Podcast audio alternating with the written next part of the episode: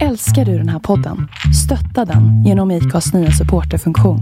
Det är helt upp till dig hur mycket du vill bidra med och det finns ingen bindningstid. Klicka på länken i poddbeskrivningen för att visa din uppskattning och stötta podden.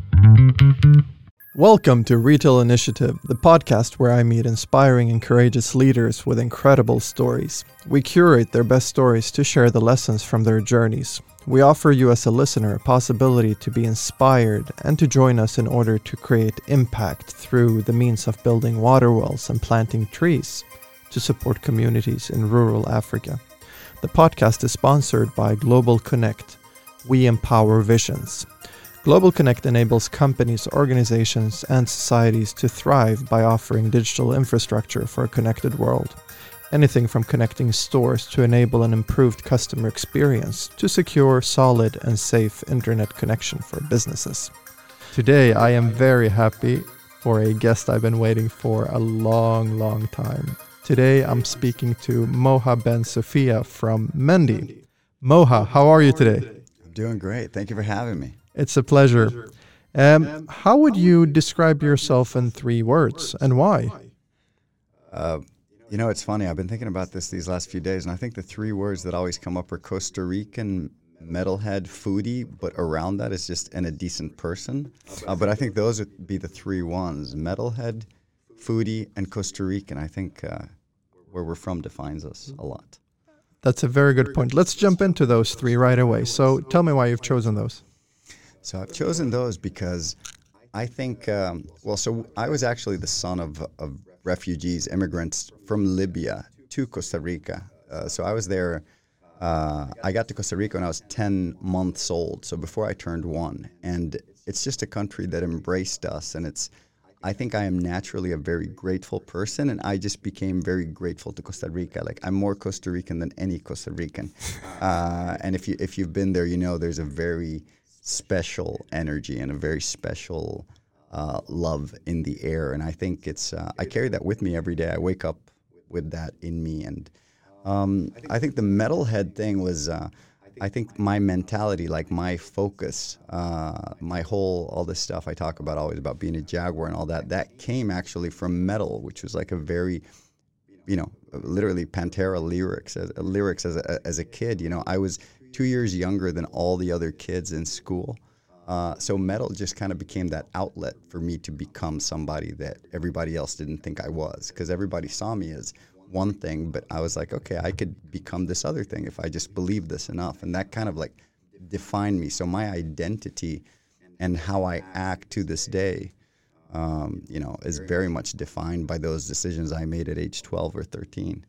Uh, and uh, foodie is because we were just talking about my fasting, and I'm a huge, huge uh, I, I'm I love food more than the average human being, and I was telling you I only eat at night, but I also have a candy room at home. I've seen and, that. And yeah, and uh, so it's um, yeah, I, I have these massive banquets every single day of my life, and I'm very grateful for that, and I like to share it with good people around me, and it's uh, and I look forward to having you there. And uh, pleasure. So um, I'm wondering, you're you're saying that you're so I realize you're fasting every day, right? I fast every day. And is that what they call like one meal a day kind of fasting, or is it different from that? Is that well, so OMAD OMAD is literally one meal a day. I don't do one meal a day. Sometimes it turns into it. But what I do usually is I have a four hour window. I can be pretty flexible, and there's times when it's longer, there's times when it's shorter. I work a lot, I travel a lot. I'm naturally, I think I'm very disciplined with the things that I care about. Uh, for me, fasting is very simple just because when I eat, I become useless. Literally, if I eat, any productivity in me is just dwindled dramatically.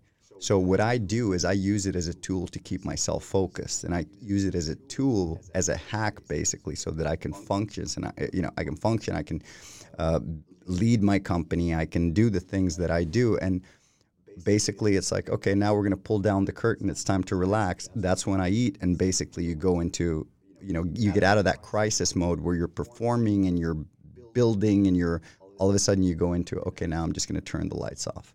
Hibernation mode basically? Exactly exactly. And when you were talking about metal i, I assume it's metal music right? Yeah. Yeah. Yeah so it's uh Uh, yeah, you know, just growing up on Metallica and Yeah. all these things. I don't know if we have that in common. I grew up on the countryside in Sweden. There was a lot of Metallica. Absolutely. Metallica, Maiden, all that good stuff. Exactly. Okay, great. So um, I wanted to ask you how you're doing today. I know you've slept little, you said. I didn't sleep that much because so I've had a lot of work, but I also said uh, immediately that uh, you should not feel bad for me. I feel amazing. Uh, so I had a so I've been up since 5:30. Uh, you know, work has been piling up. We have a ton of great things happening. We're doing some really really cool things. I'm fortunate to have an incredible team around me, and uh, it's like you just can't get enough days in the in the week, but you know when you have 100 hour weeks and you're just happy and you're excited you're elated there's there's a certain type of fatigue that comes with unhappiness and there's this happy fatigue where you're like i just want more time i just want so i woke up at 5.30 i had was done with my workout i went i lift every day i lift weights every day 365 days a year um, so i've been doing that for a long time and it depends on my schedule so today i was done by 7 a.m because i had meetings after that and I've had uh, five, six things so far. This is, uh, and it's noon, so it's been a productive day. I've no complaints. How long are your day normally? So you get up around five normally? It's funny because so today I was telling you I'm probably going to end up because I'm going to this uh, to this event, and um, so I'll probably eat like at 9 p.m. So that's when I kind of like shut it down and become useless. uh, but if you think about it, I trained at 7 a.m. So um, a lot of people would say that eating 14 hours after you know doing your bench presses is not the best thing, but I know better. So no protein intake, nothing after workout. That's Your fastings are dry fastings or no? You drink. I drink a lot of water. Uh, but I'll drink water. I drink plenty of coffee. Okay, so uh, no just 'cause I enjoy caffeine restriction. No, no, no. I'm I'm good. Um, yeah, I I'll have a Coke Zero if I want it. Like I'll sit down. I, I have fika with like five different people every day. I have lunches. I have breakfasts every day. I just don't eat. I just have black coffee. So um, at this point, it's like nobody even bothers me about it. They just uh, everybody just accepts it. For how long have you been doing this? So I've been doing some sort of fasting for like the better part of two decades, probably, but it's gotten probably more radical, like over the past five years or something like that, where it's just like, you know, I, I always thought that I felt sluggish if I had breakfast. And then it was just like, if I have lunch, then I'm sleepy at 2 p.m. It's like I can't even be in a meeting or. And then it just become became like, okay, how about we push that lunch until like 4 p.m. And then eventually it was it was just weird to eat at 4 p.m. because what are you going to do if you've got a dinner at seven or eight? You know, it's just like it just becomes. So all of a sudden I was like, okay, well, how about I just stretch it out a little bit more? Um, you know, it wasn't hype. It wasn't some influencer that got me on it. I mean, this is earlier. We were just talking about me and the the guy helping us, Sid. Uh, that I'm too old for for any of that. But uh, yeah, it just became like, okay, how about I just push it off and eat really late, and then 6 p.m. turned into seven, and seven turned into eight, and it's just like, well, this is great. The later I eat, the better. I can literally eat a giant meal and go to sleep like a baby. So it works. I understand my body. Amazing.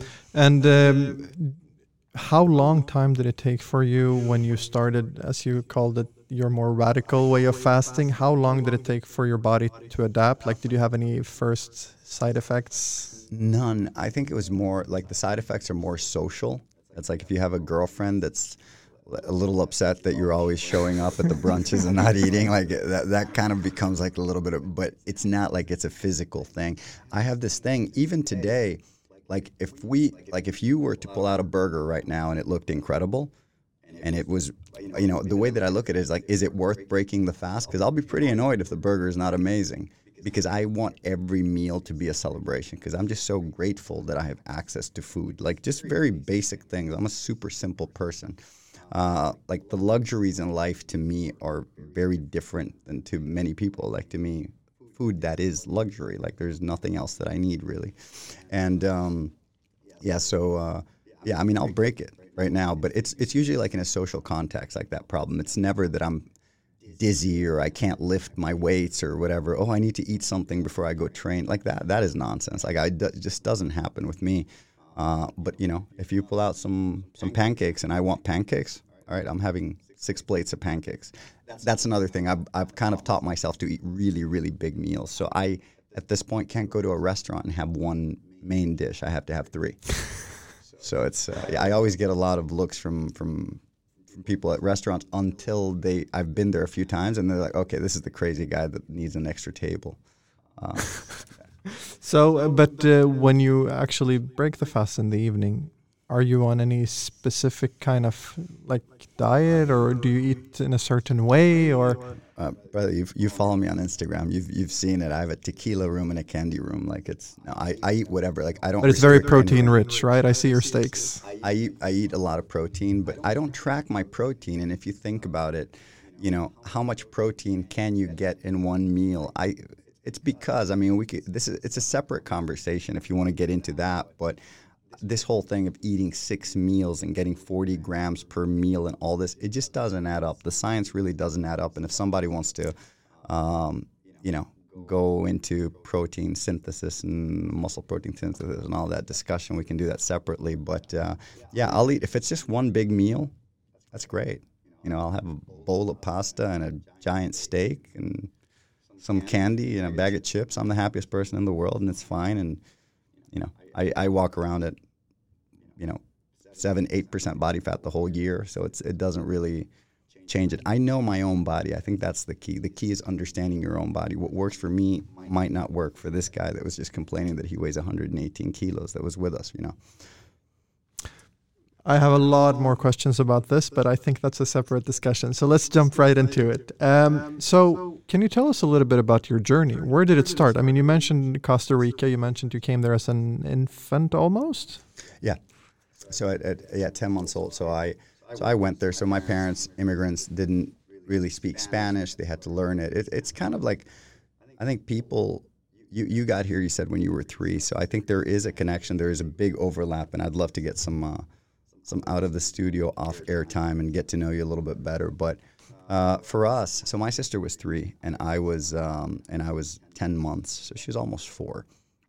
And yeah, so we grew up and we were the ones with the weird parents that weren't Costa Rican, but you know we were completely fine because we're kids and we you learn the language and it's a. So I assume it's the assimilation process is easier for us than for our parents. I mean, I know that for a fact, especially for my mom because my dad wasn't around that much. And, um, you know, but I grew up in Costa Rica, went to school there. I didn't speak a word of English until I think I entered like the sixth grade. And then we got moved from, uh, from one school. Uh, I went to the Roosevelt School, then I went to Jean Piaget, then I went to the ICS. And in ICS, which means nothing to anybody in Sweden, by the way, these are schools in Costa Rica. Um, that was like the junior high and uh, and that's where I graduated, and then I went on to university there. And but I lived in Costa Rica up until 2010, so I never left. Mm-hmm. So, so until you were how old? Like 30. Yeah. Yeah. And uh, what did you study and, and what did you study? End up studying? I, I, was, I, was, I was, a shit student. I was a, I was a pretty bad student. Uh, yeah, I, was, I never really liked school. I've got ADHD, and I've always been like very, uh, you know, it, it's more of a practical person. Well, to be honest, like I've always had, I think, all the soft skills and none of the the hard skills. And but I, I think I, I figured out pretty soon that you don't really need the hard skills because there's a lot of people around you that have them. Uh, and it's kind of like maybe that'll make some people think that I'm just lazy, but I'm really not lazy. It was just more like I'm going to put my efforts into where I can make the biggest dent. And it was like for anything that I would do, you know. So, um, yeah, and and I've always had like jobs before where it was I could really tap into those skills, and I still do today. So it's like I remember I used to like like I I've I've done everything. The thing I've done the most is I've been a teacher. Like I've always loved teaching. Um, so I did that in Costa Rica. Like it was actually one of my second jobs. Uh, it was my second job ever, and it was um, and it was actually my last job before coming to Sweden. So like, I think a teacher is really what I am, just because I enjoy talking to people and I have that social thing.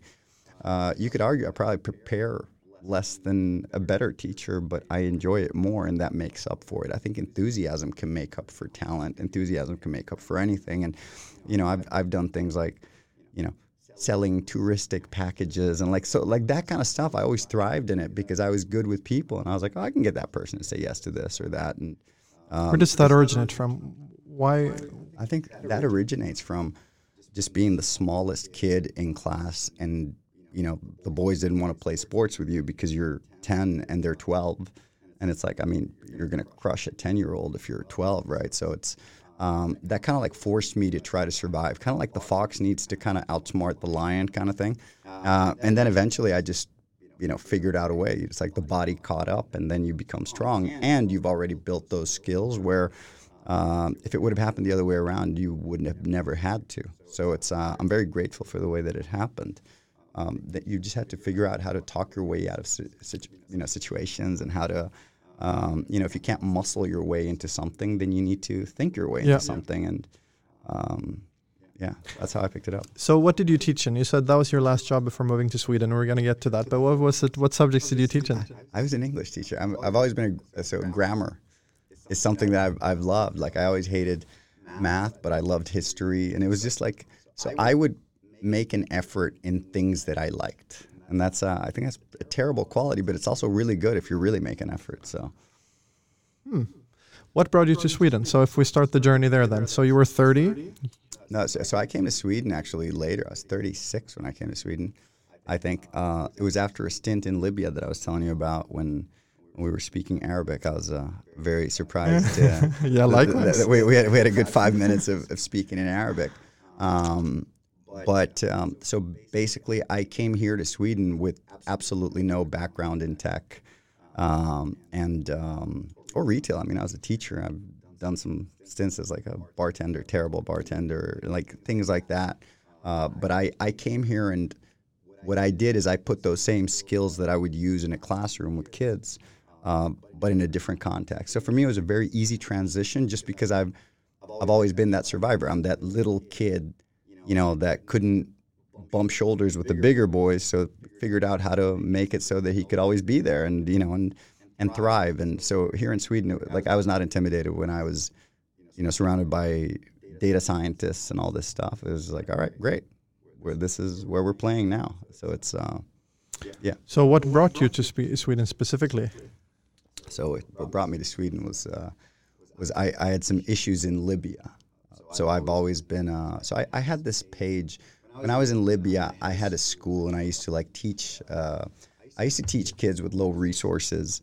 I had a business where we would teach uh, adult students from the National Oil Corporation and these institutions um, how to get ready for like their higher level exams so that they could travel to like the UK and all this stuff. And with the money that we would make, we would like with those proceeds, we would teach like children, like orphans and stuff. And uh, but at the same time, because I, you know, I can't get, you know, I can't stay out of my own way. I had started this Facebook page, which was basically like this de-radicalization um, approach, which was called Tripoli Fitness Community, which basically really, really um, made an emphasis on counteracting the very radical sentiment that was coming out in Libya at about, I'd say, two- 2011, 2012, where you really didn't know post Gaddafi where the country was going to go, and it was clear that it was taking like a sharp turn for the more radical side.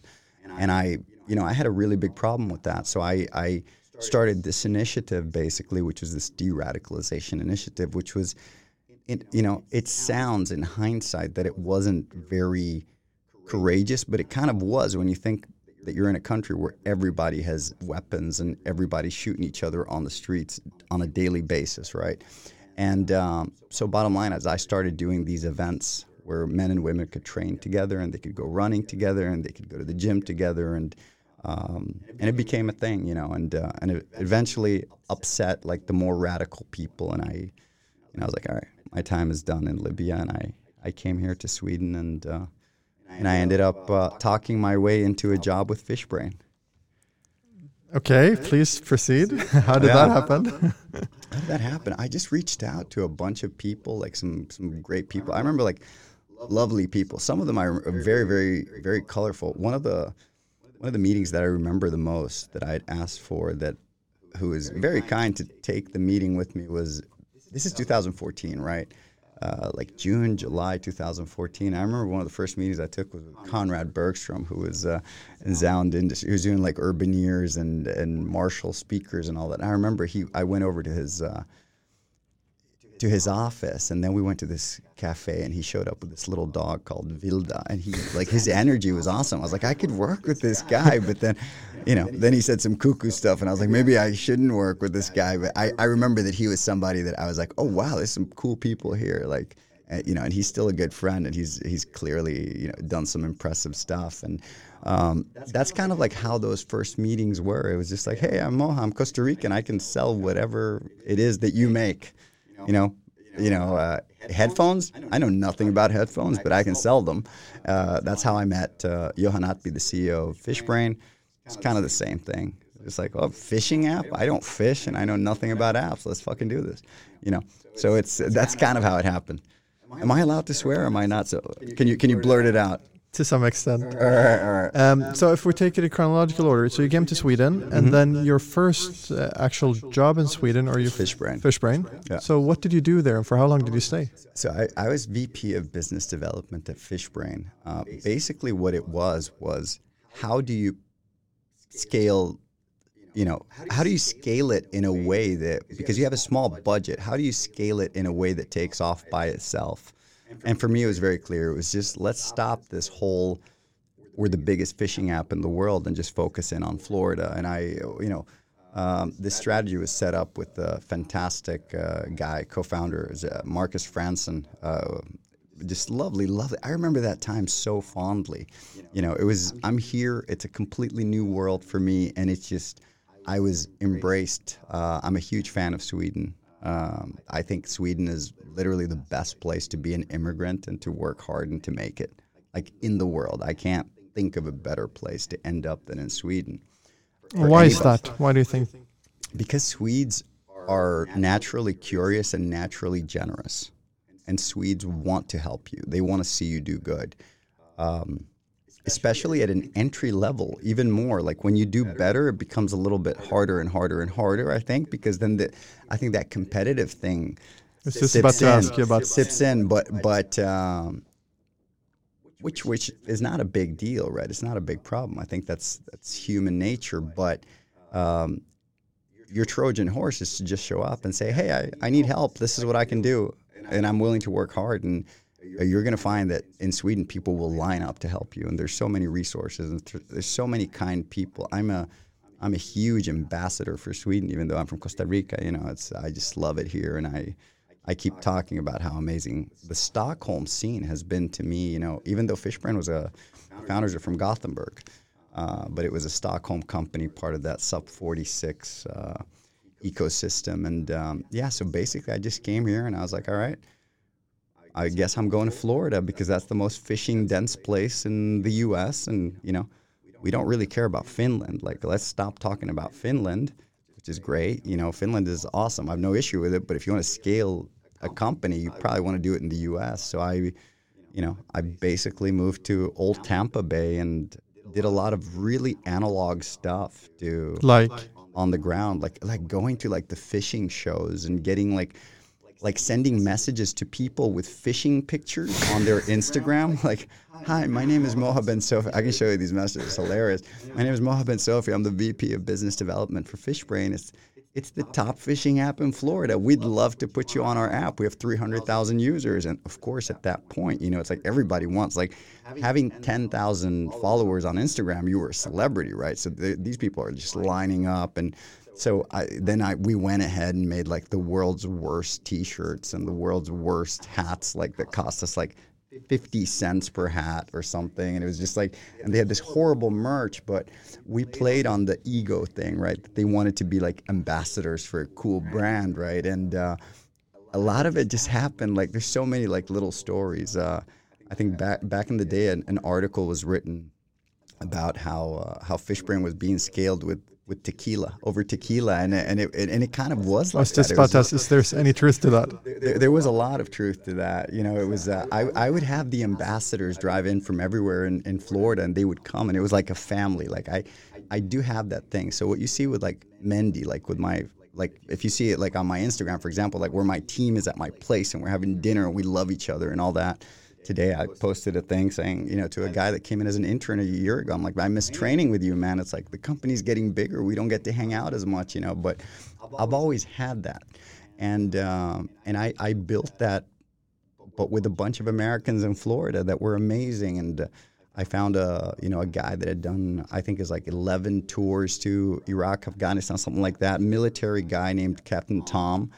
And uh, Captain Tom was like huge into the fishing scene and stuff. And I was like, Captain Tom, you be our guy in Florida. And, and he was, you know, he was great. And then he would rally the troops. Everybody was so excited because they weren't working for for money. They were they were it was literally for the team. It was for the brand. Like they believed that they could really take their sport that they love, which is fishing, which to be honest, I care nothing about. So you could, you know, you could argue that I was a complete mercenary, right? But uh, so that part of it is, yeah, I was a complete, you know, prostitute. I could have been selling anything. I could have been selling absolutely anything, but that bond, that family feel, that was real. Like the love, like the, like that camaraderie, like that. There was nothing that was fake about that. That was a real thing. I mean, I would not use the prostitute at all. I think the feeling that I get when you speak about it so openly and warmly, I mean, you have this ability, and uh, this is the first time we meet, but you have this ability to be able to make the other person feel very important, very welcomed, very like, and especially with those. Uh, fishing dudes. I mean, they must have been very passionate about fishing, and then here you reach out for this for this app, for this you know big community. You want them to be a part, take lead. I mean, I can I can totally see that in front of me. But this this ability that you have, even with your team, and once again, I'm basing it based on what I've seen on your Instagram, based on what I've heard. I mean, this skill of actually caring about people, that is, I think, one of the biggest superpowers because all the other skills one can acquire but this this skill that you know we're engaging in a conversation you're giving me 200% right now what else isn't there that we can solve, right? Um, but, but I think that I think that comes from literally from not belonging. So I think I have this sense of family. Like it's for me, it's very easily to attach to people and to bring people in, basically. And and that really comes from having, you know, my mom who is you know half Georgian, part Greek. Uh, came from Libya with my dad, and it, she was basically by herself our whole childhood and stuff. It's like I kind of always wanted that surrounding, like those people around us, like and, and we didn't have it, so I had to learn to build that. So I've become an expert at building families, I guess. Yeah. So, um, Florida, you you actually moved over there. You told me. How long did you live there, or for how long? What kind of time period? So, so I was at Fishbrain for under a year, like maybe nine months, something like that, and. Uh, but it was um, I didn't live there, but I would stay there like for a month at a time. And it's like I would go, I'd do my stuff, then I'd come back to Stockholm, then I'd go back to Florida. It was a really, really intense, fun time, right? Because for me, like I'm a middle-aged guy and I'm learning on the job. Like to me, everything's exciting. Like I'm, like I'm very, I'm very uh, open-eyed about everything. Like I'm like a child. I'm like, oh wow, this is so awesome. Because I, you know, I'd spent the previous four years in Libya I've never been very into tech at all. I'm not an early adopter. Like I, and so to me, it's like the fact that I'm in this world. It's like I'd be like, pinch me. I'd be like laughing about it. And that's why I never take anything too seriously because to me, it's just like, like it's it, it's a it's a bit silly. All everything that's that's happening around us, right? We're going to come back to that. not taking yourself too serious, and also that curiosity or that both. You, we talked about gratefulness, but that curiosity about you know being an, a learner and i mean there's plenty of studies that talk about how how much of that we lose the older we get that sparkle or that you know drive to constantly want to relearn constantly want to continue just learning new things testing new things but I think it's the, the, older one gets, and if one is able to keep that and actually maybe even encourage that and drive that harder, the more fun and stimulating and, and valuable life will be. Um, so after a year, approximately after Fishbrain, what happened? So, what so, did you do then? Oh, I, so I I did kind of like the same thing twice, just like scaling a company. With it. The thing that the biggest takeaway is that I did this, and I always tell people I had a I'm looking for like a a content person, and I had a, a guy come in and he's like Moha, I you know I follow you on Instagram. I love what you do. I want to work for free. Blah blah blah. And I was like never do that. Like, don't do that. Like, don't think about like that you're saving me money or saving Mendy money. Always think about yourself. So for me, I'm a very unselfish person, but that really takes care of themselves. So it's kind of like hard to understand unless you put it in perspective. But I have this opinion of if everybody wins. I remember I wrote an email to my team about um, about a week ago, uh, and uh, and they all like were kind of like moved by the last line. And my last line was, making ten billions is ten billion dollars is nice, but making one billion dollars and making the world a better place is amazing. And they were like, so it was basically like, stop focusing on some of the things that they want us to focus on right now because we got to keep our eye on that, you know, that person that needs this. That, and, and it was just one of those things. And and I've been called a communist in the past, which I clearly am not, and, and, a lot of other things. But I just genuinely care. But one of the things that I did is I did have very good advice, and I learned later than a lot of people. But I keep teaching people what I have learned because it served me very well, and that was to try to get myself some equity. And what I learned, you know, in that Fishbrain experiment, which is fantastic, beautiful episode in my life. Very, very fond friends for life. Like I'm very close to all those guys still. I don't, I wouldn't know any of the people that work at Fishbrain now, because all my guys got, uh, you know, that was so year so long ago. But um, I got some equity and I sold that equity, and then I did that again, and then I was like, okay, how do I scale this? Because it seems like what you call my superpower, which to me is nothing. I always joke that there's a lot of bartenders there, there's a lot of club promoters that have exactly the same thing that I do. I'm just in the middle of this tech ecosystem, so I'm not getting kind of like a commission on a bottle that I sell. I'm getting a quote unquote a percentage of a you know commission on a company. You know, so it's uh, it just becomes like this much bigger game, right? Which I a lot of times feel that I don't even deserve.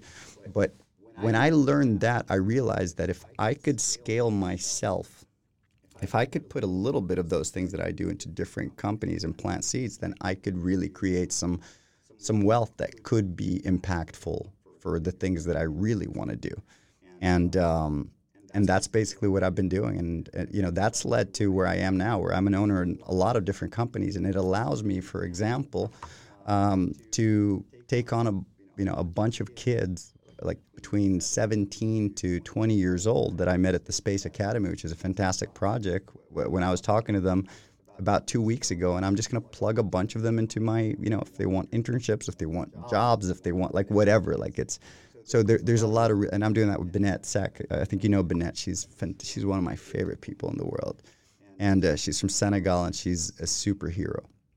And uh, so that that's what I'm doing this weekend. You know, it, to me, it's just it's just fantastic that I'm allowed to do these things, and it was surreal to me even five years ago that I could be doing that, and that I can help, and and it spreads, and it's um, yeah, it's That's great. amazing. So after Fishbrain, what was your next move then? What, what became your next chapter? What, what, what I decided to do was that I wanted to do a lot of different projects at the same time.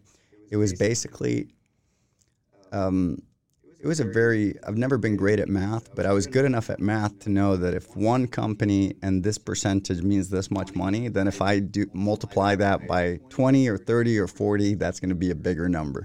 That's really all I needed to do. And I do a lot of things by instinct and gut and without a lot of thinking, and it served me really well.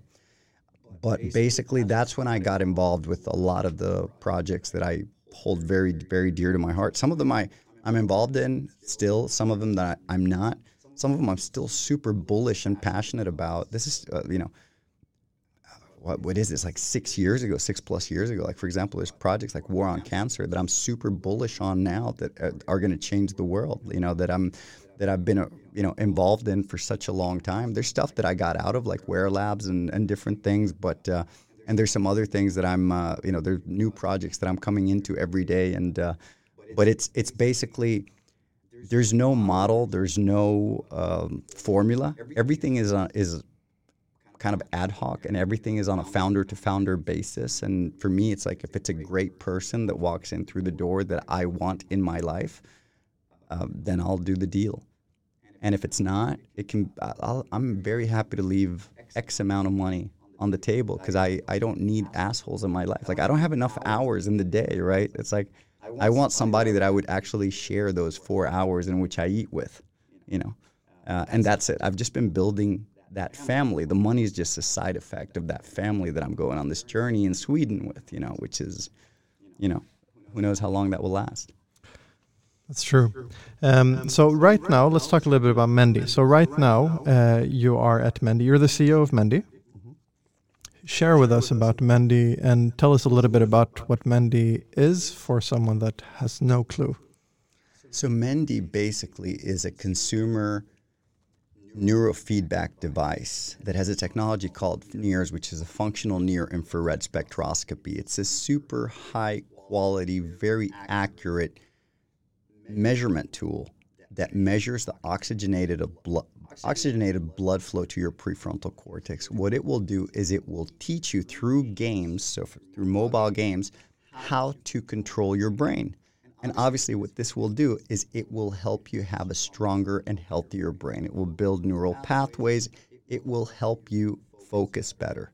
It will teach you how to focus better.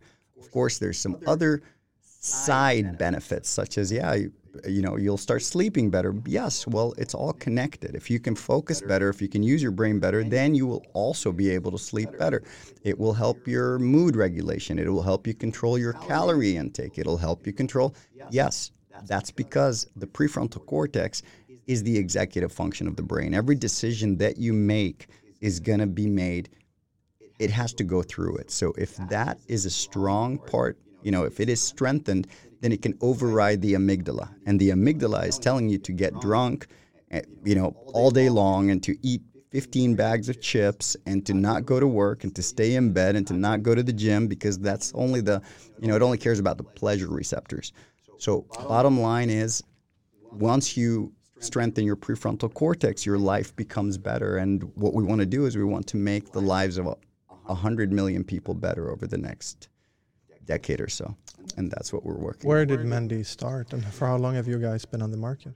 So Mendi started in. Um, I had nothing to do with the start of Mendi. Uh, two engineers started it in um, early 2018. So the so Rickard Eklof had built the first prototype of Mendi, working prototype, in early, I think it was late Q1 2018.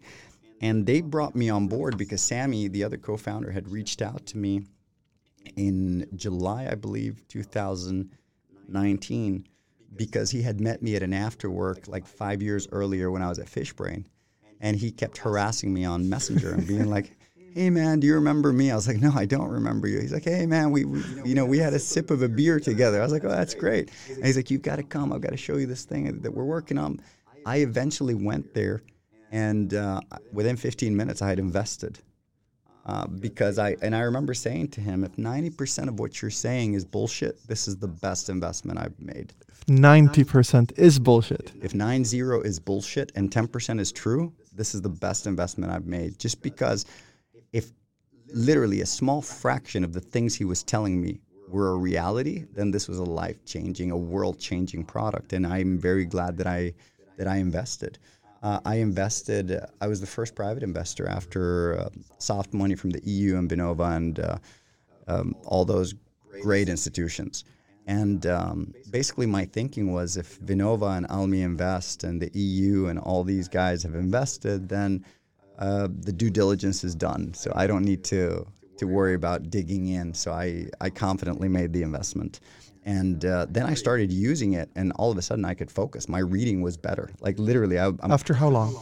I took. I, I think I started realize that's a, that's a hard one because I wasn't really like tracking it. But at around week number three, I remember vividly a day in which I had like five people start telling me like, "You're so nice. You're so much nicer." Like you weren't so, used to hearing that. You're so present, and and I remember being offended. I had a I had an ex girlfriend and uh, her name is Elsa, who is fantastic. She's a superhero. And I remember she was like, "Yeah, you're like nicer. It's like you, but better." And I'm like, "Shit, how bad was I?" You know, and, uh, and you know, I I was a little bit offended, but mostly encouraged that hey, something is happening. This is real. Like, and then I at that point I'm just obsessing about it and I'm just reading about it and I've got the founders over at my at my place and I've got big bowls of candy and I've got like they're having burgers and stuff at my place and we're just hanging out, you know, because to me it's about that family thing. I didn't have a job, but it's like I want to hang out with these guys. This is what I want to be doing. This is what I was doing for free. I was actually paying to do it. So at that point, there was no idea about being uh, working with them. It was just an investment. I did, yeah, it was just an investment. Tell me about that transition. So what happened? Well, what happened was that at this point, I'm super excited about it. The guides are making strides. Uh, I could argue that Rickard is one of the best founders I've met, if not the best. He's just incredible. Rickard Eklof was a KTH guy, just very, you know, very, very different to me, but the values are super aligned. Like, So for all for all entrepreneurs hearing this, share with us a little bit about the qualities that you really appreciated. yeah, he's he's just an incredible human being. Like, it's literally it's uh, I, I spent sunday with him and it's just like it was just magical. Like it, it, it you know I, I start started the week on monday just super excited knowing that i'm going to war you know with this guy behind me. You know it's just like it's such a beautiful thing to have people that you truly respect on your team. He's much younger than i am and much smarter than i am. Uh, and um, but bottom line is you know we were making huge strides I never had the intent of taking a job. And um, I think it was around November, late November 2019, uh, because we launched on Kickstarter in 2020, January, no, in April 2020. And we launched the Brain Gym at Faltan, the physical brain gym, in January 2020, uh, which then eventually got shut down because of Corona. And, Was that a uh, pop-up event or was actually permanent? It was permanent. Okay, It so was it's Felt permanent. The mall. Yeah, yeah, yeah. It was great. Like it's, yeah, it was a huge success. It was so much fun, and um, people just loved it. You'd have like a nine-year-old girl followed by a ninety-four-year-old lady, and it was just like it was just like wow, we can really impact the world. Uh, but bottom line, what happened was. Um, I, I never wanted to take the job, but they they basically asked me, and I said, "Why would you want me? Wouldn't you want like some like amazing entrepreneur? Like, I wouldn't you want like some incredible neuroscientist or something?" And what they said to me is, "Yeah, but you believe in us, and it's really the only thing that we need." And it was just like, wow, that was such a it was such a powerful thing. It's almost like they guilted me into taking the job. And um, and I remember picking up the phone and uh, calling the chairman of my board and calling the CEO of you know the biggest CEO in Europe, and uh, saying, "Do you think I can be? Uh, do you think I can be the CEO of this neurotech company? Like I don't know much." And they both had exactly the same advice. Um, they they said, "Yeah, you need to take the job." And I was like, "Why?" They're like, "Because you don't need to know anything to be a CEO." To be a good CEO, you just need three things. You need to listen. You need to, some humility. Like, don't be the guy that needs to win every argument and the person that needs to be like right. Like, just if you're if you're a quick learner, you're good. Number two is you need to care. And they're like, we know that you care about the team, you care about the users, you care about the investors. So that's easy. And then the other ones, you need to communicate, which is like they're pretty much the only things you know how to do. So you're you're made to be CEO. And uh, I was like, okay, perfect. And that's how I came on this journey. And uh, yeah, it's been fantastic. So you've been working then actively with Mendi since when? Is it two years now or three? You Uh, two two almost two and a half. And where were you company-wise, and where are you today? So you told me there's some exciting stuff ahead.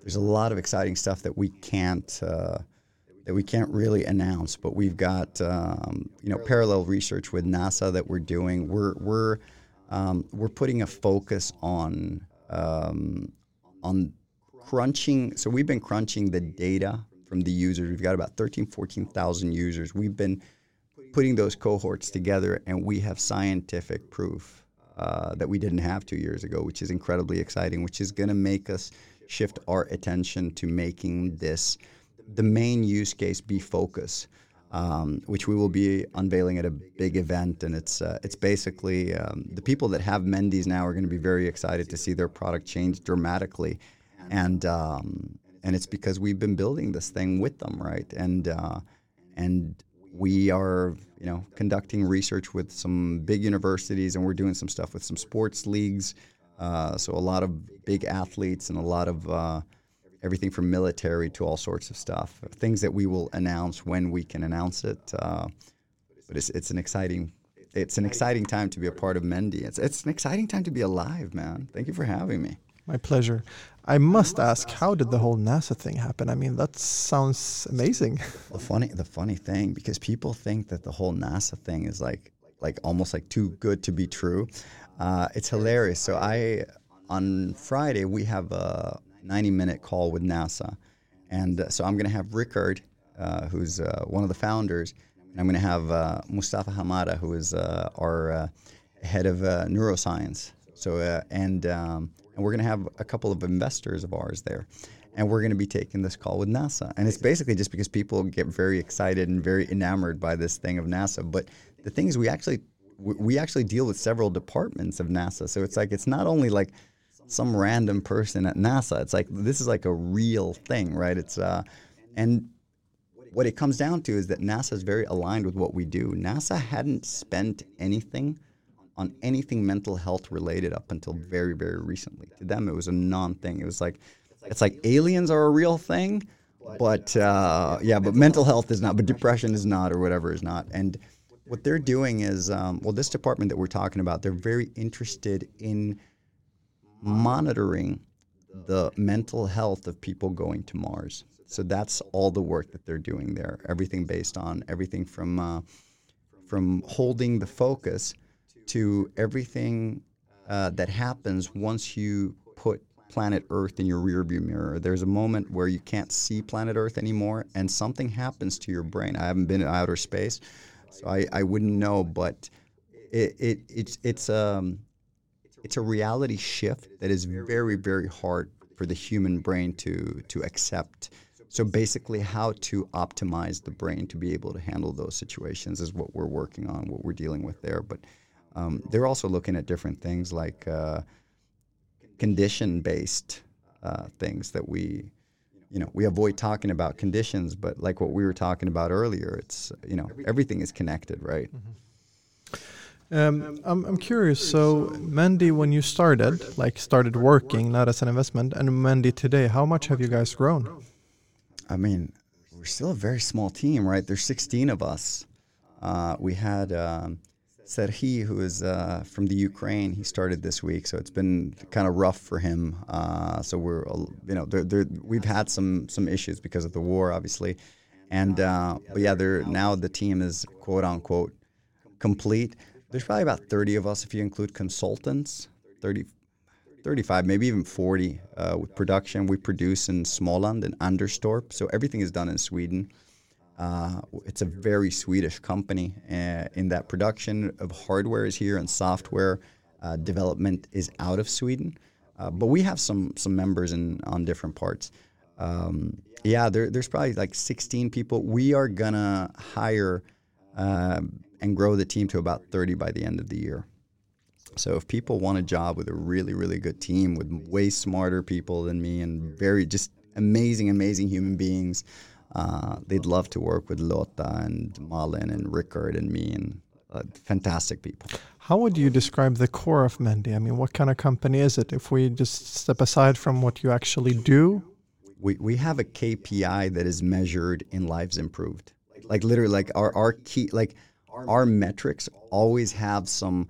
It seems like fluff and it seems like nonsense, but when you see that group of people, like it really is it's just it's just amazing to be in that room. Like I'm always grateful. Like I'm always saying stuff like this. Like I I must sound like an idiot, but it's just like they're just great human beings. Like like David Tenser really cares about people and he cares about the team and he like you understand like th- this translates to everybody. Rob, you know, who's uh, I'm my mom is half Georgian. He's he's Georgian on the team, so we're the two Georgians on the team. Like he's he's just he's just such a great human being that cares. Like and he goes out of his way to make customers happy. And obviously, customers a lot of times are not happy because there's when you've got thousands and thousands of them and you've got a product that's evolving, it's a lot of work. But he'll do it with a huge smile on his face, and I just I just love the fact that we work together, that we that we we get up in the morning and we go to war to make the world better and to help those people and. Uh, the culture is really just uh, it's it's a family. Everybody talks about that. Everybody talks about culture. But that was my next question. So that must evolve into certain type of people actually being attracted to start working at Mendi. And I mean, the culture obviously is built by the people, and in the beginning maybe by the founders. how did the whole culture journey of Mendi evolve? I would actually love, you know, for people like you to help us expand, get the word out, you know, about just what a great group of people it is. You know, uh, I think, uh, you know, engineers, you know, would love working with Rickard. I think people would love working with Peter, with the whole team. Uh, Mustafa is incredible, our head of neuroscience. Lauren Silbert from uh, Stanford and Princeton, uh, Francesco. Bez. Like, uh, it's just it's a great collection of good human beings that all care about this. Like nobody's at Mendi just to become rich, and that and that's a beautiful thing, right? It's just like, um, you know, in order to really affect the lives of millions of people, we're going to have to make a lot of money. But we're not in this to make a lot of money. That's just side effect. What it's going to take. Yeah. Mm. Um, and is it is Mendi available today for consumers to purchase? I know yeah. you had a pre-sale period, but now it's yeah, yeah, yeah. You you order a Mendi, you get it. I think the same week. Yeah, beautiful. Okay, so let's now jump into uh, some of the questions that I've saved for you. So, obviously, when I hear you talk, I I, um, I hear both about your journey, your professional journey, but to some extent, I also hear your personal journey, the one you're on for life. You talk a lot about gratefulness. You talk a lot about you know being awake to some extent, trying to understand and try to you know maximize input from all our different senses. So when it comes to reskilling, I mean, that's something we talk uh, about a lot on this podcast. And I talk often about, you know, uh, reskilling and how can I uh, improve, learn, relearn, unlearn, and so on. What are your thoughts on that? I mean, I'm assuming that you work actively with acquiring new skills, acquiring new knowledge, inspiration. What's your thought on reskilling? Well, I, I think that has a very, that has two different answers depending on if you're talking about work wise, it's literally been like, okay, it's kind of like a tennis player that starts playing padel. It's like, okay, how do I adapt it? Uh, but if you're going to talk about like my personal life, it's actually been a more radical shift. Like I've, I, over the past few years, I've been through a lot of therapy and I've been through a lot of, and Mendi just, what I realize about therapy is that it is valuable. Therapy is a good thing. There's a lot of people that'll say therapy's bullshit. You know, people that haven't tried it or that have uh, tried it. I, I don't know, but I, I hear it from everybody. I hear it from people that have tried it and people that have not tried it. For me, I was very very lucky in that I had, in a, at a kind of like at a at a dark period, after a you know, a bad breakup where I was just, I realized I wasn't as good of a person as I thought. Like I was not a very good human being, and um, and it took basically sitting down with a therapist that was incredible. Her name is Birgitta Flensburg, and she's I, I just fucking love this woman. Like she's just incredible to me. It's, and um, and she made me understand why I did some of the bad things that I did, and um, but at the same time, telling to give you an example, somebody that is an alcoholic to stop drinking might not be all it takes, because the alcoholic that's you know, that's sitting there by uh, Stureplan, like outside of Fridays, um, he probably wants to be wearing a nice shirt like you. Like you understand, like he probably doesn't want to be sitting there in his own pee. it's a trauma pro- behind it. But he probably doesn't have the ability to get over it, what's behind it. So I think what what happened with me, and that's why I I was so into Mendi, was that Mendi just basically made me translate that and make it easier to make those decisions and translate those things that I learned. Like I was doing some things that I thought were normal, like things that were very culturally acceptable, for example, in Costa Rica. And where it's just like, well, that's not an excuse. Like that it is that's not really I'm not really being a very nice person. And then all of a sudden it was just, okay, I can literally take a step back, slow it down, focus on it, and make better decisions. And that's why, to me, Mendi is so important because making better decisions changes everything. Um, so I've I've had a very big shift over the past like three or four years in my life where I think I've become more, maybe more kumbaya. Let's change the world. Let's. But but at the same time, I'm I'm not. There's nothing hippie-ish about me if you think about it. Like I'm I'm.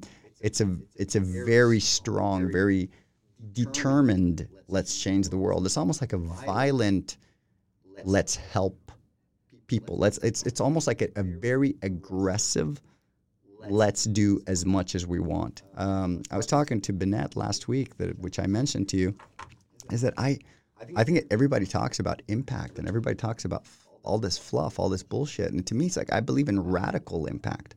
Like I believe in kicking down the door and just like knocking down the wall and just being like, yeah, well, it's just not enough. Like there, we literally, if you take ten thousand people like me and you put us together, we could really change the world. You know, but you, you, you don't do that by holding hands only. You do that by, you know, by Real burning action. things down. Yeah. You know. Not re- literally, but yeah, real action. Yeah. Um, so I'm I'm curious uh, when it comes to what we just talked about, uh, reskilling. How do you work actively on a daily basis with reskilling? Right. So I, I have basically had to set up because of my own um, conditions. I'm a super unstructured person, but I'm very disciplined. It's it's just that I can only have very few interests at the time. I always joke that I am. I don't like many things, but I just like them more than anybody else, right? So it's like I there's some things that I will never skimp on, like you know my training, for example, or or, or certain things. Um, what I've had to do is I've had to teach myself to be more structured, so to be a little bit more like those people that I said were very different to me.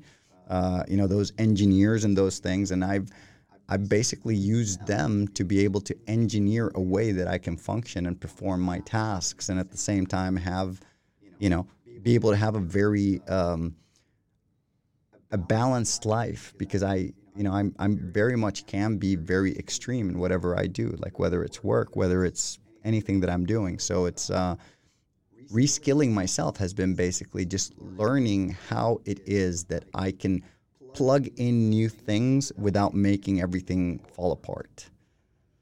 And where do you like? What do you like to read? What do you like to listen to? What do you look at? So I'm, I've never been a very big reader. Uh, you know, I I read more than I did before because I can focus better. Um, but I again I I what I do have around me, which I I don't know if it's credit to me or just luck. Uh, I think it's just luck. Is that I have access to really really good mentors and really really decent people, and I have built.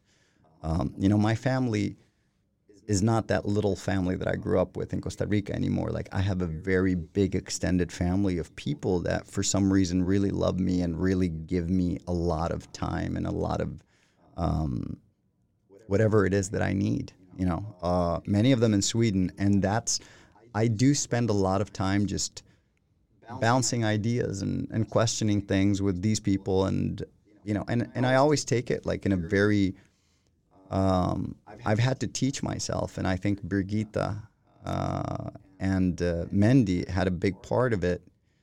Uh, perhaps Birgitta even a bigger part in that than than Mendi, in that I used to be very adamant in my arguments, where I would want to kind of like make my point, and I've become a lot less uh, aggressive with getting my point across. So I've become a lot more uh, uh, observant. I've become a lot more. I absorb things a lot better. I've become a lot more open. We were talking about people of my generation. Like he was uh, the guy that was here was saying that uh, we don't learn. We're very stubborn. I've become a lot less stubborn, and I've had to teach myself these things. Right. I joke sometimes that things that kids learn as little kids, I'm having to learn today, and that's just the beauty of these incredibly complex brains that we have. Right um, and how you can make that connection between your brain and your heart and the things you stand for become one thing. That's something that I'm going to be, you know, reskilling myself until the day that I die. But would you say it sounds like conversations with other people is the main source of relearning for you? I'm a super social being, and, and I use that platform of those, you know, those dinners that you're talking about, my breakfasts at night. I use that as my, you know, that's a very, very big part of keeping me centered and keeping me moving forward you know and uh, and teaching me things. I, I learn every single day and i take notes every single day. That's something i've taught myself. Mm. i've got this little Like- notebook where I, I, I will just write things down and I, it's something i've never done. I didn't do it in high school you know and it's um so i, I do Like a journal or yeah? it's it's a it's a basically anything that sticks out um, and and I sit down and I think about it and I question it and I think about it and it, and I get very excited when somebody can change my opinion about something. It's almost like I look forward to it, which was the opposite of how I was even four or five years ago. So question. Uh, isn't there a risk uh, because uh, if we talk about that your main source of uh, uh, um, input or new thoughts and reskilling comes from your dinners or your breakfasts isn't there a risk that you won't get certain views because you know one doesn't want to be you know too pushy or too radical or too extreme on a dinner? like do you have other sources of um, uh, input that you know could teach you things that maybe a dinner guest won't dare to. well, I, I, I, you know, I, I, don't. I'm not really surrounded by yes women and yes men. Like I, I, I constantly get challenged, and I, I love that. Um, and yeah, so no, a, a, lot of these things are actually more debates than anything else. So it's, uh, and I, you know, I'm one of those people that on, like, you know, on my YouTube, I'll have CNN right next to Fox News, and I'll watch both, and I'll make my own decision. And I'll like even with the Ukraine, it's like I was calling some friends of mine, asking their opinions, like on different, you know, sides of the of the whole situation, and uh, and it's you know it gives you perspective. Like it's, um, yeah, I, I you know this is gonna sound incredible, but I've literally had to teach myself to think because I was always like running on instinct like the first four decades of my life, I was running on instinct, and now it's like I'm having to think, but I'm. It's kind of like I still have that thing where the instinct will take over, and then I'm like, no, I'm actually going to step back and I'm going to analyze. And I, I'm not a very analytical person. I've never been. Um, and that's why it's amazing that we have, you know, Rickard and Mustafa and Lotta on the team who actually are, because otherwise Mendi would be a disaster, right? So when it comes to emotional intelligence, um, I get the sense that you've worked a lot with that, uh, especially when you're talking about how you've learned things. I mean, many times with learning, there's an element of unlearning mm. to to some extent. How do you? How important is because you keep going back, of course, to uh, soft skills. You keep going back to being this. Uh, young adult or this boy that was two years uh, younger than the rest, and how that actually, um, maybe to some extent, drove you to acquire skills, to acquire attributes and qualities to be able to be the person you you you wanted to be at that time. So when it comes to emotional intelligence, though, how important is that to you, and how do you think that translates into the family that you're building mm. and people around you? I think for me, it's and, and I'm no expert in anything, right? And I'm no expert in this, but for me, it's it came to do you use those skills that you have to get things for yourself?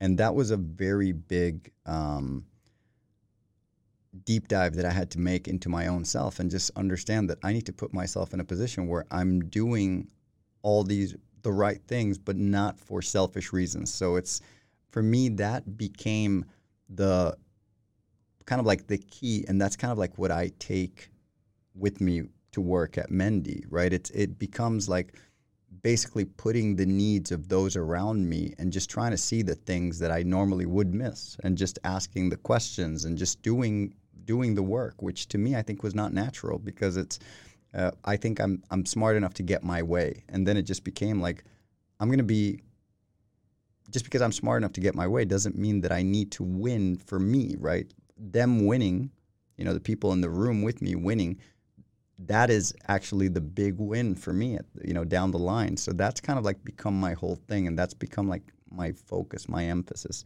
Uh, I mean, I, I after my whole stint with therapy, I used to think that I had absolutely no emotional intelligence, and that I literally was incapable of empathy. Like it was, you know, it was, it was a really rough time, and Birgitta actually had to teach me things, you know, as this middle-aged guy that's crying on her uh, you know that, that basically how to like she basically opened my eyes and then i just needed i was like that alcoholic that had to be told okay you need to stop drinking or you're going to die.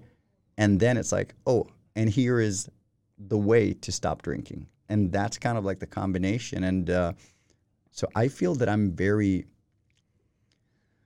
hmm, i think that i am very far away from being able to give advice on this, but what I can speak on my from my own experience is that I'm still very early on becoming the best person that I can be. That's a very healthy sign, I would say, for a person being on a journey to realize that regardless of how long they've reached, it's still just the beginning because life is so grandeur and there's so much to explore. But I'm I'm trying to understand. Like, let's say that y obviously you're growing now with Mendi. How important is emotional intelligence or like these soft skills that we've talked about for people joining? I mean, obviously you work with really like the top edge of technology, top edge of science. So obviously you need hard skills as well. Yeah. But when it comes to, I mean, you're a value-driven company. I I get the sense of how important would the soft skills be to be actually to be able to fit into the company culture? I think it would probably be less important for somebody that's doing some jobs than for others. Um, but I truly believe, and I do have a personal relationship with everybody at Mendi that we have been, I don't know if very fortunate or very good at finding people. I, I, I tend to think that we're horrible at recruiting, that this is so exciting that if people could come into my you know, into my apartment, or if they could come in, because I have a lot of meetings at my apartment, as you've seen, uh, or if they can come into our office, you know, they would, you know, step into Norhen and come and see the team and meet them. People would literally just drop whatever they're doing and want to join Mendi. It's just that we haven't been great at communicating it. But I think we've been lucky in that these people that we have gotten have just been amazing human beings. And maybe we're just like those, you know, Mr. Magoo, like the blind guy that keeps – you know, not falling off the roof because he's lucky. Maybe that's how it is, you know. Um, but yeah, we haven't been great at communicating and attracting incredible people, but we've managed to attract incredible people, and uh, you know, and that's why I keep stressing that you know, maybe I need to put myself more out there and kind of make myself more naked. I, I use the word, and it bothers Swedes, but I think it, it doesn't sound as bad in Spanish, and you know that my mother tongue is Spanish, Espanol, and uh, but it's almost like I need to kind of like put myself out there more and prostitute myself more. And when I say prostitute myself is I mean like my privacy, right? Like it's not, you know, it's basically just um, just kind of like let more people in. And uh, maybe that's what we'll be able to to bring those thousand people that we will eventually need in order to be able to help 100 million people, right? Because we've been talking about changing 10 million lives, and with what we have learned now, and with the science that we have, we're starting to see that that's a very low bar. And that's an incredible thing. That's a super powerful thing. And I, to me, it's, it's, I'm still literally in awe of it. Like I'm, I, I can't believe that this possibility, this huge, grandiose number that I threw out there two years ago is going to end up being too small. And it's like we just set the bar really low because do the math. You know, how many people need to improve their focus and how many people need to improve you know, their lives, you know, and, and, and the way that they can make decisions and all these things. So it's, uh, for us, I think it's a combination of luck and, uh, I don't know. In Costa Rica, we say Dios los hace y ellos se encuentran, which means God makes them and they find each other. And maybe that's why we're all finding each other.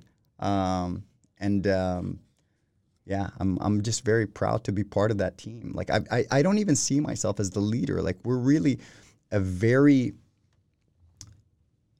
almost like headless company.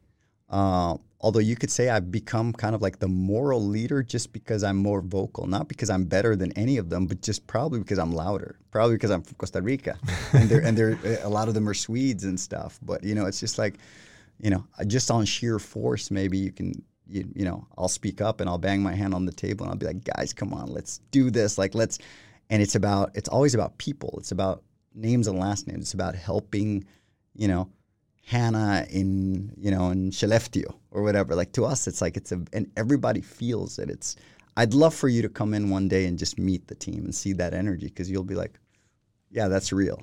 I'd love that. But I'm, I'm wondering here, uh, since that number you mentioned, like you first said 10 million, right? How does it feel now being, you know, along, being on the journey? Uh, because did you feel when you said it back then that it was a very big number? Well, it was like if the science, you have to understand that even when there wasn't a lot of science, I believed in it because I was a user. And because when we're talking to people that know neurofeedback, which is fairly new, uh, it's been around since the, like there's people from the 60s, 70s, like there's millions of people that have used neurofeedback. but it's still not mainstream, right?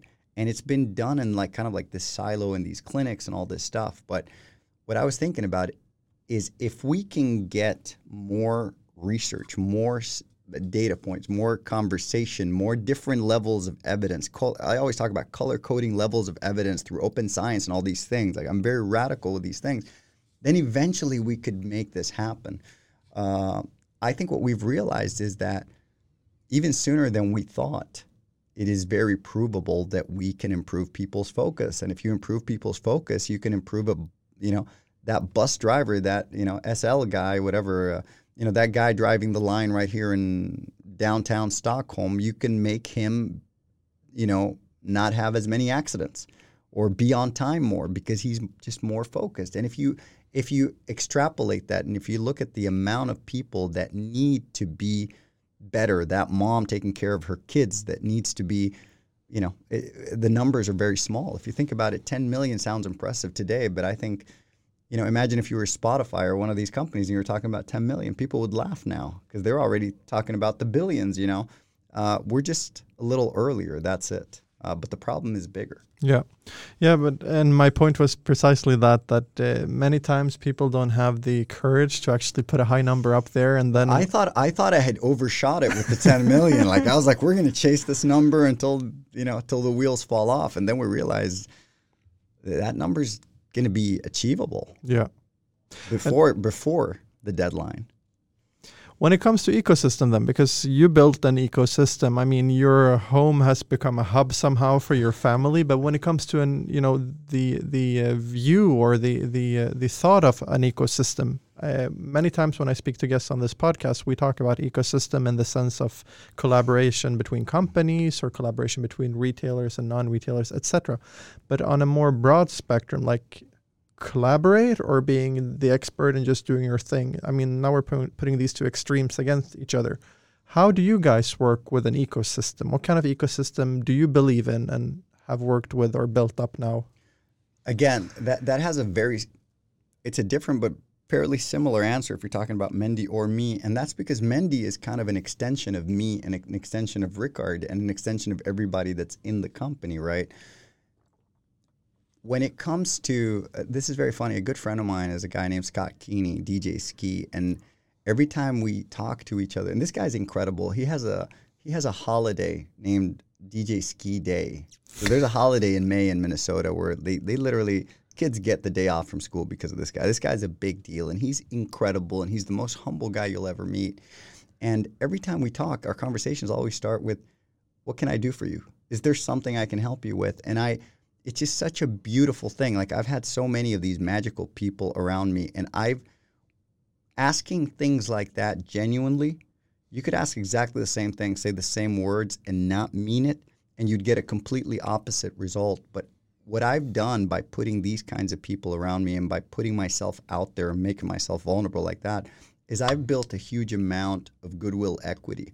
And that goodwill ac- equity I can cash for favors for Mendi or partnerships for my companies or whatever because it's it go it's bigger than than the figures. It's bigger than the companies. It's bigger than the valuations. It's bigger than the money. It's bigger than the ask. Right? It's people want to help. Everybody wants to help.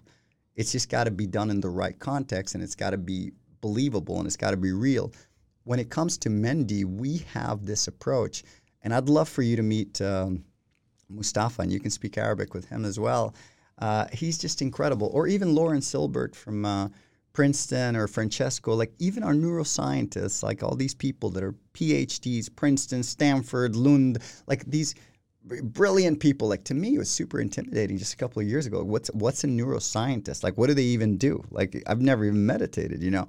And you meet them, and they're these incredibly open, generous, vulnerable people. Yeah, of course, everything is science to them. I mean, they, they, they're a different animal than we are.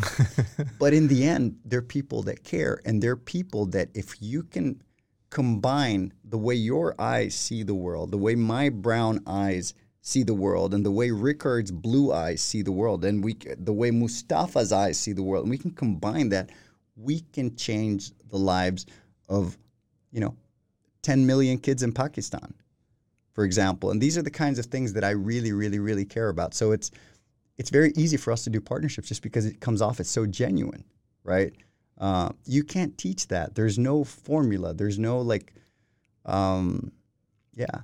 And, and, and, and just so you know, and this is one of the reasons why I've been called a communist before, is because I literally feel that with the money that we can make in the first world, we can subsidize better brain health for the third world. And that's kind of like my dream. And, uh, you know, maybe we just had to put another zero on top of that.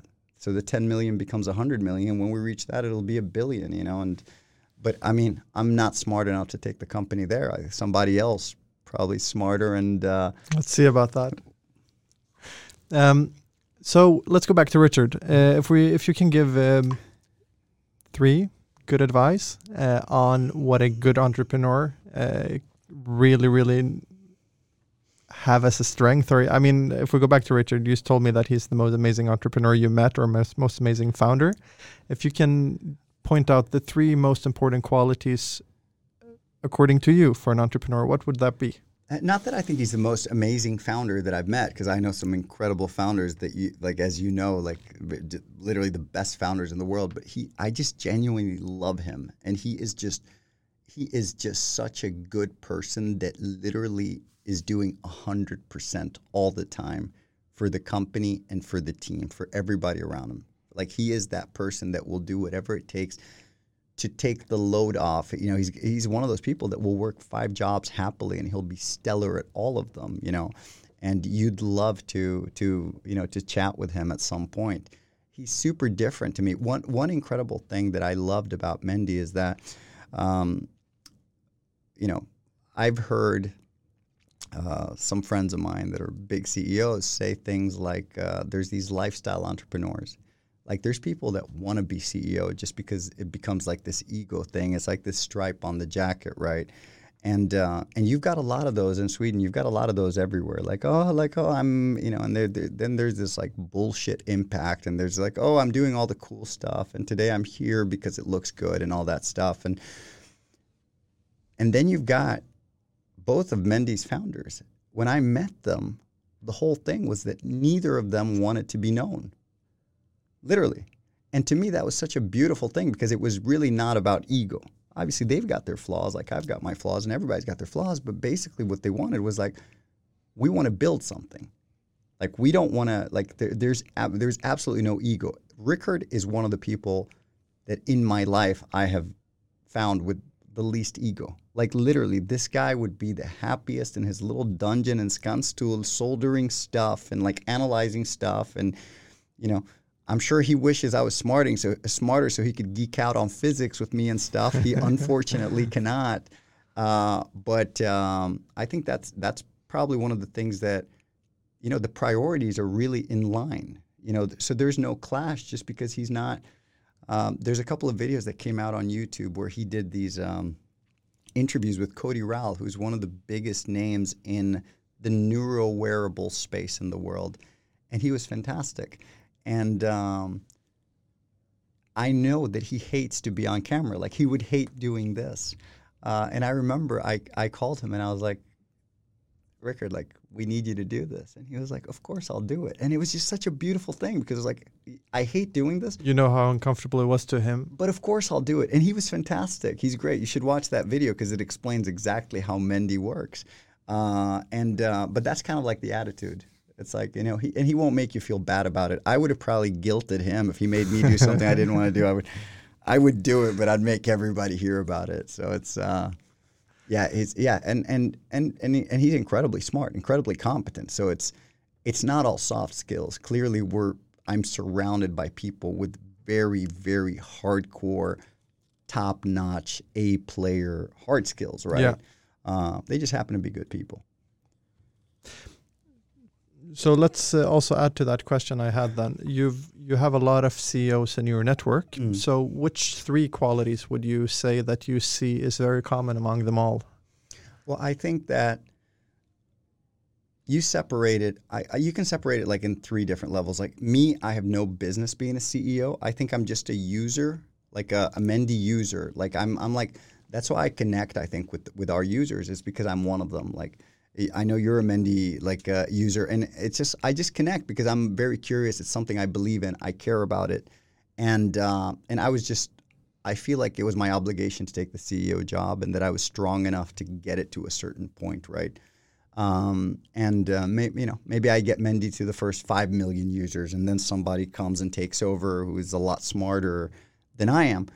But um, what I find, so I think I would I, I would be an anomaly because I have no business being a CEO. So my thoughts and opinions really don't matter. But what I have seen is that there's different tiers of CEOs, and the super stellar, like quadruple A CEOs, you know the, you know the Daniel Eks of the world, uh, they're unbelievably giving they're unbelievably giving. They're unbelievably humble. They're unbelievable. Of course, when you like these guys, I mean, and and and I could name another, you know, ten people. I'm close to like Sean Rad, the founder of Tinder. Like all these people, they tend to be very, very generous people.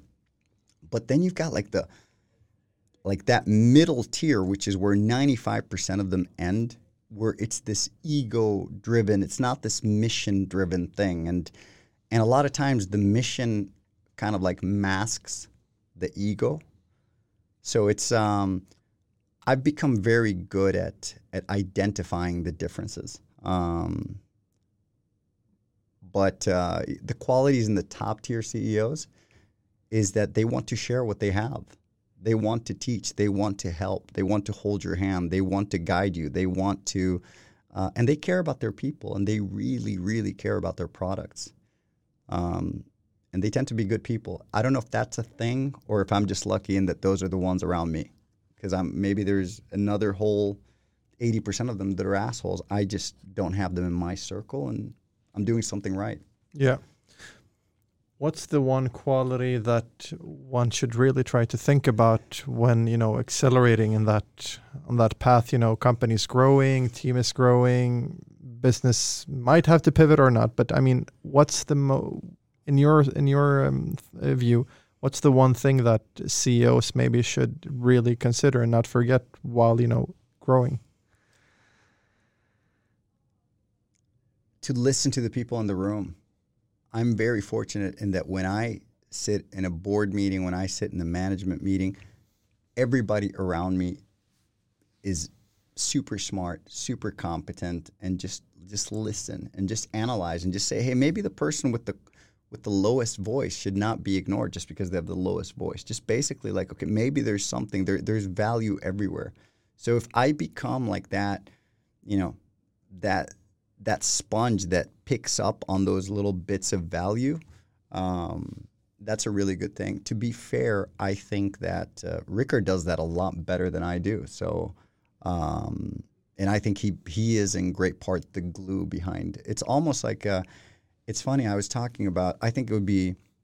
I had one of these rallies this Monday where I just like go. I, I'm super passionate. I'm, I'm all about like like war rallies, and I'm I'm like I'm I'm a I'm a very I'm a very intense person. And I remember I started giving this this speech, and and I said where Rickard is the brain of Mendi.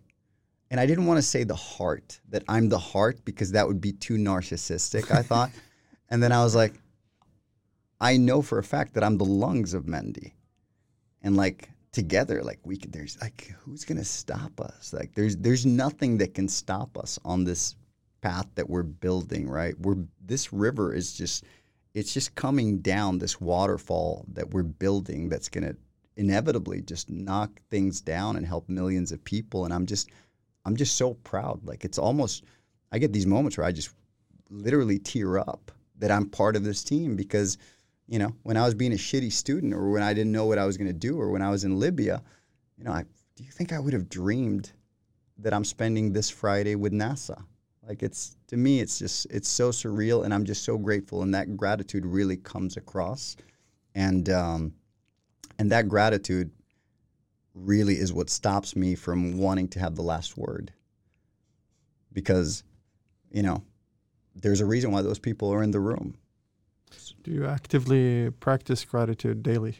One hundred percent. It's it's a huge part of my life. It's a I, I have my routines. I'm a so I'm a very superstitious person, but I'm also a, I'm a creature of habit, so I have my routines every day. So there's a lot of things that I do all the time, and uh, yeah, that's a huge part of my life.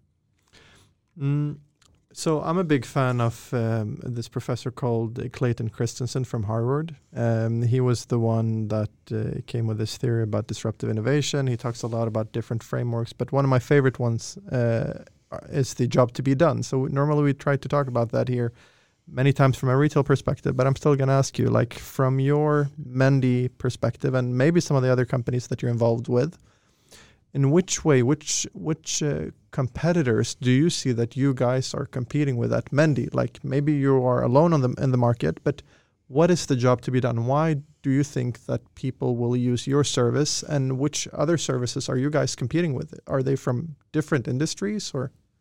It's funny because you and I have been talking a lot about coffee, but I think we we become a competitor to coffee let me put it this way uh, that doesn't make a lot of sense unless you really see what we're working on what we're doing behind the scenes. But the reason why people will get up and they'll have a cup of coffee is because they want to tap into the zone.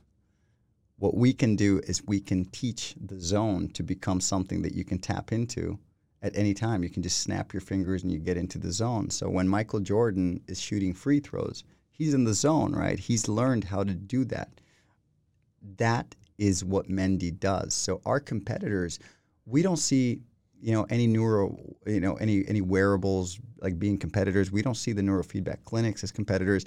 I am so open to like collaborations and partnerships. I'll tell all the trade secrets to everybody because I know enough to know that it's not going to affect us. What we're doing is um, I'm a big fan of everything that's happening in the space. I think there's value in everything, everything from the clinics to the EEG devices. Uh, people like to hate on like companies that are in the same space. I, you know, I, I think there is a use for Muse, for example, which is like the meditation EEG band. Like I, I love what Oura Ring is doing. We're going to be doing some stuff with them. Uh, I love what Whoop is doing. Uh, I, I love what everybody is doing, and I think that we are all on this journey to improve the human condition.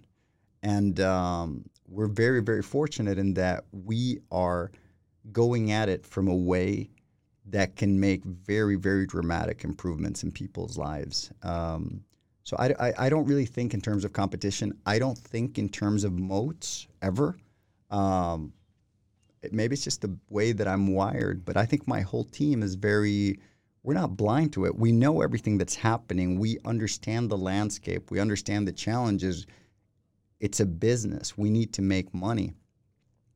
There is just so much room, so much room for us to do something great while making a lot of money for all our investors um, that it's really hard to not be very optimistic.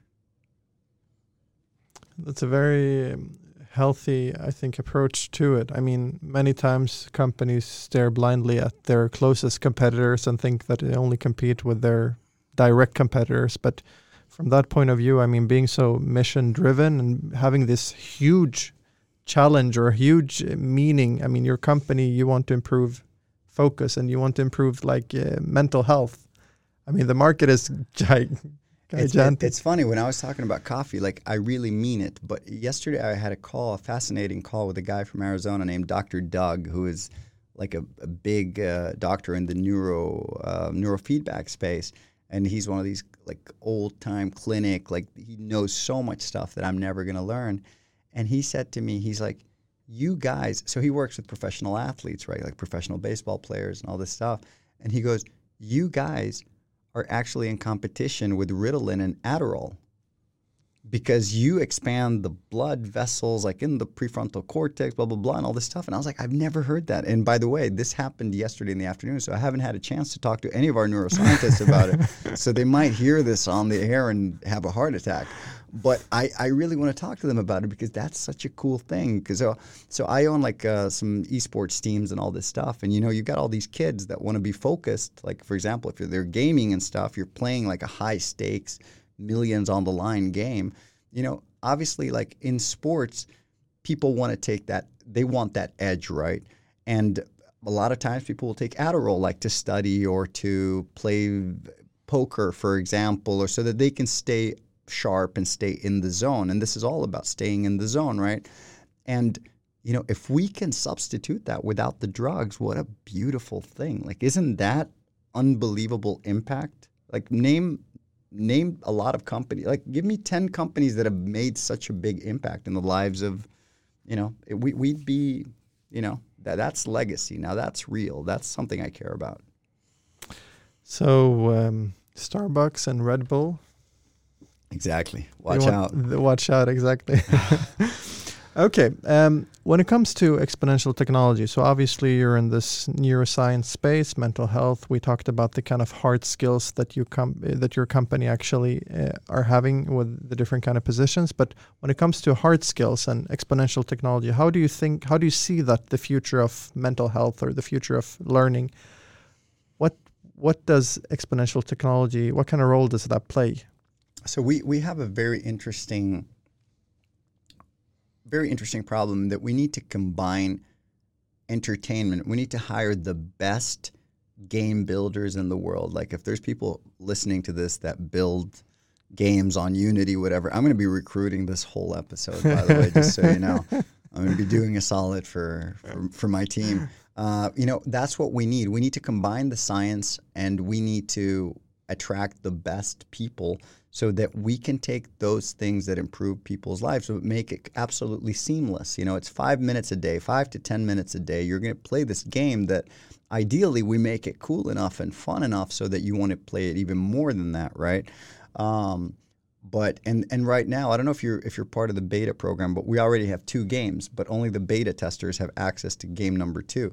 But eventually there's going to be 15 different games and there's going to be you know, age appropriate games, and there's going to be all sorts of different things. And the reason why those things don't exist right now is because it's about having the amount of people that are building it. You know, the women and the men that are going to be writing that code and that are going to be putting all this stuff in. And uh, so it's uh, for us, it's it's it's a lot of different complexities that come together to build this amazing, seamless thing that we believe we can turn into uh, a behavior very rapidly in the very near future. If you think about it, like all these companies, like the social media companies, like Instagram, whatever, they've added these layers of behavior, right?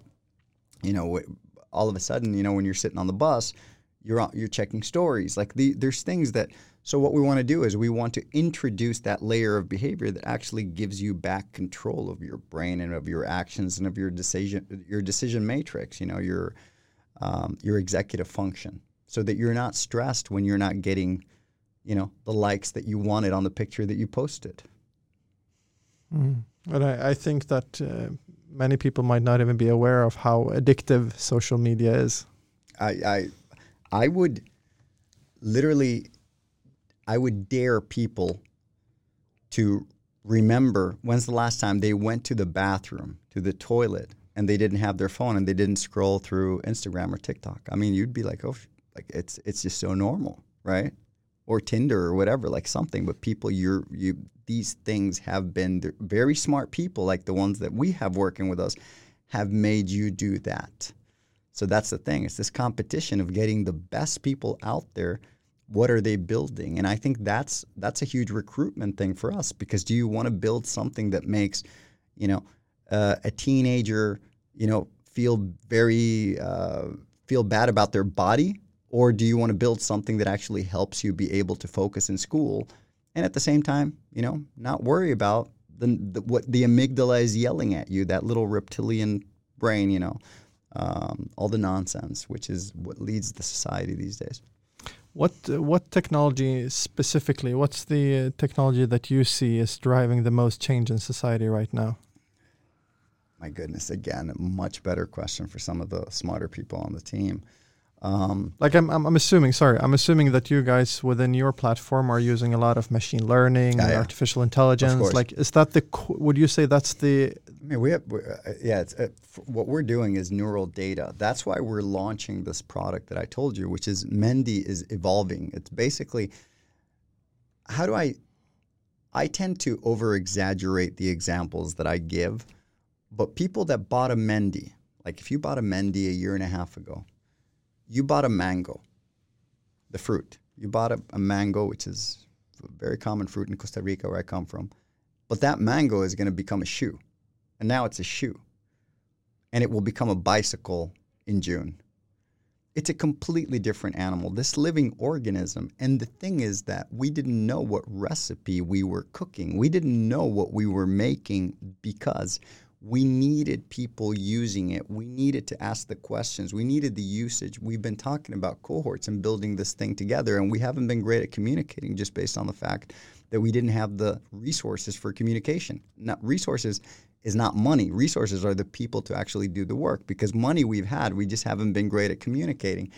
And bottom line is what we're doing is we're putting everything on this focus product.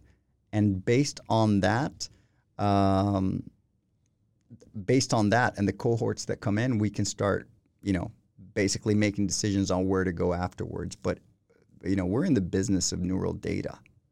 We're not in the business of, be- of selling hardware. If anybody thinks that Mendi is a thing that you buy that you put on your head, they really don't understand what we're doing. We're in the business of neural data and we're in the business of creating games that make you be able to control your brain. Uh, and the measurement tool is just a very accurate measurement tool that is able to help you visualize what is happening inside your brain so that you can change it. So the way I the way I see it is that you're actually enabling for people with with the technology that you provide to become better versions of themselves. A billion percent, one hundred billion percent. That's exactly what Mendi is doing. It's amazing.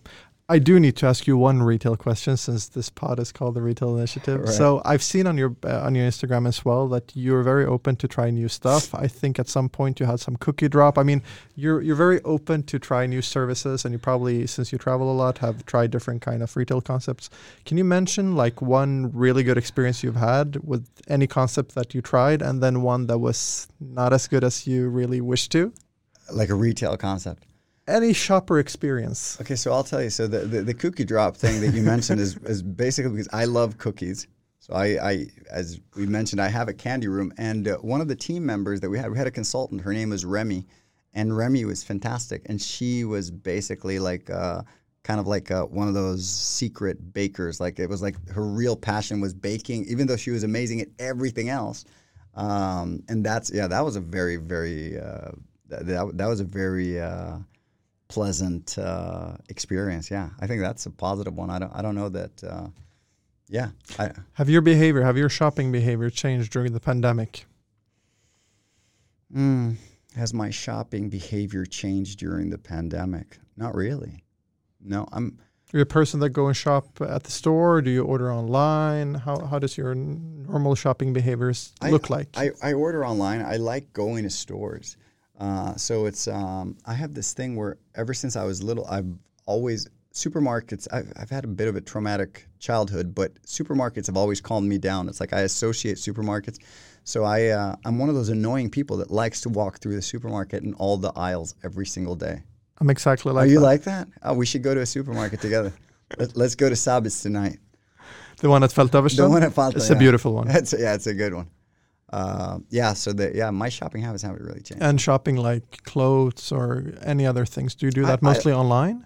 I'm, I'm old, man. I like going to the stores and trying things on. Yeah, I'll I'll buy some stuff online, but I'm usually more of a yeah, not a, not that much of an online shopper. Yeah, I, I, I like going to stores. Have you f- have you seen that stores have changed as well? If you just look like past the fi- uh, past uh, the last five years, have you seen that stores have become different when it comes to like more technology in store or different kind of store design? Is there anything there that you feel have changed? Yeah, and and uh, well, I'll tell you one thing to go back, kind of like a bridge between this one and, and the previous question is, if it weren't because of the founders of Mendi messaging me, I probably would have never bought a Mendi. That's the sad thing. So I think that there is this generational thing where even people like me are going to have to jump into this. So that that's kind of like accelerated that. Even though I work in tech and stuff, I'm this you know this middle-aged caveman, right? Uh, but um, it, that's a sad thing when you think about it. Like because I, I feel it's improved my life so much, and I would have never discovered it if, you know, if if Unless you've been approached. I got dragged into it, you know. Um, but yeah, have stores changed? I don't think there's been that much innovation like on brick and mortar. No, I mean ecom obviously, but uh, brick and mortar, no, I mean, it's pretty much the same as I remember it. Um, are we talking about supermarkets again, or no, no, in general, and I think that uh, you're on you're on something. Um, of course, there are companies that have done a bunch of different uh, new concepts, but in general, it hasn't happened that much. no? Let's jump to the final question. And uh, as I mentioned to you in the break, this conversation would have been able to continue for hours because I have so many questions. Um, when it comes to impact, I mean, obviously, your journey, your per- personal journey, and the journey that Mendi is on as well, trying to make as big impact as possible, it's very clear. But what does impact mean to you? Like, how would you translate impact, and how would how is that affecting? I mean, your journey, obviously, as the CEO of Mendi, is affecting the direction of the company. So, how does impact? What purpose does it have for you, and also what purpose does it have for Mendi? I think if if impact is just priority number five, or priority number ten, or it's just a PR stunt, uh, it's better than nothing. I'll take it. I like to think that if if guilt makes people do the right thing, then great. If whatever the reason people do something good, that's a good thing. Um, but for me, impact is really legitimate only if it's the only North Star. Like, you know, everybody on the team getting rich is, and just so you understand how hardcore I am about this, is when I talk about impact, I'm not just talking about the 10 million people or the 100 million people or kids with ADHD or this or that. I mean, like, I have fought literally for employees in the company to get better deals than than the company. Like I would fight with my own company. I'm not a leader of a cartel. Like I'm I'm very solo. I'm very rogue on these things and that I will do what I think is right. So for me, impact is true impact is literally knowing that your heart is fully committed to that one thing. And um, and that's what the world needs more of. Very violent, aggressive, no bullshit, no PR stunt real impact. It's a great ending. so, um, if people want to reach out to you, if people want to hear more about Mendi, hear more about this radical impact uh, kind of approach that you have, or just you know be in touch with you in general, which platforms do you prefer to be contacted on? Um, I don't use Twitter, which I probably should, because I had a I had a couple of accounts. I had one where I would follow Adrian Wojnarowski because I had a fantasy basketball league. So I literally followed like three people, and uh, and it was basically to know if my team would make a trade. Um, I Instagram, LinkedIn. So LinkedIn, I get spammed a lot. I have literally put it in my checkbox to start seeing LinkedIn once a day because otherwise I just have messages there for months and months that I miss because it's a lot of nonsense, obviously, as you can imagine. Um, or email. It's moha at mendi.io. Um, yeah. Um, or, and my phone number is all over Kickstarter because I've, posted it a few times. So there's literally thousands of people that have my phone number. So it's uh, if somebody wants to WhatsApp me, I'll probably take the call. But your Instagram account, what's your name on Instagram? Uh, Moha Bensofia. So Or Mendi. Mendi is, uh, yeah, uh, there's the Mendi account as well. But, uh, but yeah, beautiful. Thank you so much for being with us today. thank you for having me. Pleasure. I really appreciate it. This podcast was sponsored by Global Connect. We empower visions. Global Connect enables companies, organizations, and societies to thrive by offering digital infrastructure for a connected world. Anything from connecting stores to enable an improved customer experience to secure solid and safe internet connection for businesses.